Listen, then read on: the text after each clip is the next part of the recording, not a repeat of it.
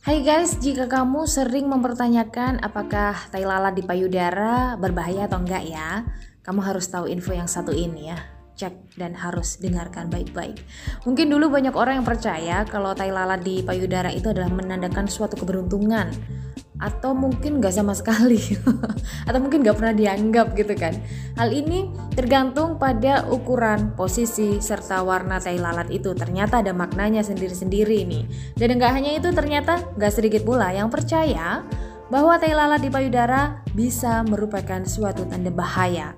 Salah satunya bisa menjadi tanda kalau itu adalah sebuah penyakit ganas yakni kanker. Jangan sampai kita harus aware ya. Lantas benarkah anggapan itu dan apakah teh lalat di payudara itu berbahaya? Sebenarnya penjelasan terkait teh lalat di payudara ini ada uh, tergantung ya ini. Jadi ada empat jenis tai di payudara. Uh, kalau kamu memiliki salah satunya, nah ini maknanya. Yang pertama, Tai lalat berwarna merah di payudara. Kamu nggak perlu khawatir, ini bukan sesuatu yang harus dikhawatirkan. Kemungkinan besar Tai lalat ini yang berwarna merah ini akibat adanya konsentrasi beberapa kapiler jinak di bawah permukaan kulit. Terlebih jika kamu merupakan seseorang dengan kulit yang berwarna putih atau cerah ya. Nah, jika kamu masih ragu dan khawatir, kamu bisa segera memeriksakan diri secara rutin ke dokter dan dokter pun akan siap memantau setiap perubahan yang terjadi di tai lalat yang kamu khawatiri itu sehingga bisa cepat-cepat diberi penanganan yang tepat dan sesuai. Yang kedua, ada tai lalat baru di payudara. Mungkin uh, pembentukan tai lalat yang baru ini terbilang hal yang normal, apalagi jika itu terjadi saat kamu hamil buat yang cewek ya. Akan tetapi jika mendapat tai lalat baru di payudara setelah berusia 30 tahun dan tidak hamil, artinya kamu harus waspada dan segera konsultasikan ke dokter kulit. Terlebih jika ternyata tai lalat ini memiliki warna yang berbeda dari yang lain lalu kemudian mungkin gatal dan juga sampai berdarah.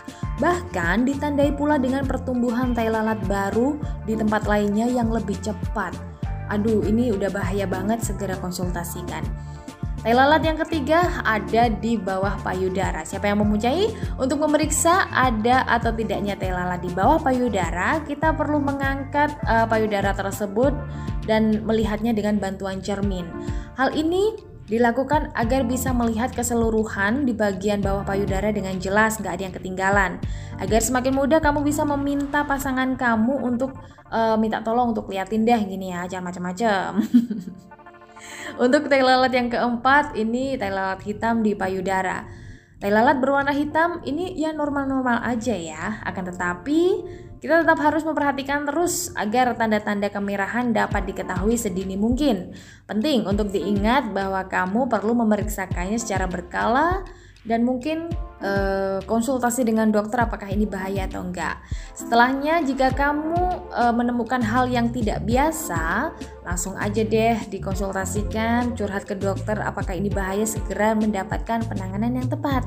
Karena bisa saja itu merupakan tanda-tanda tumor pada payudara. Segera cek karena uh, penyakit yang ada di payudara itu semakin hari semakin menghantui para wanita ya. Jangan sampai kamu salah satu dari mereka.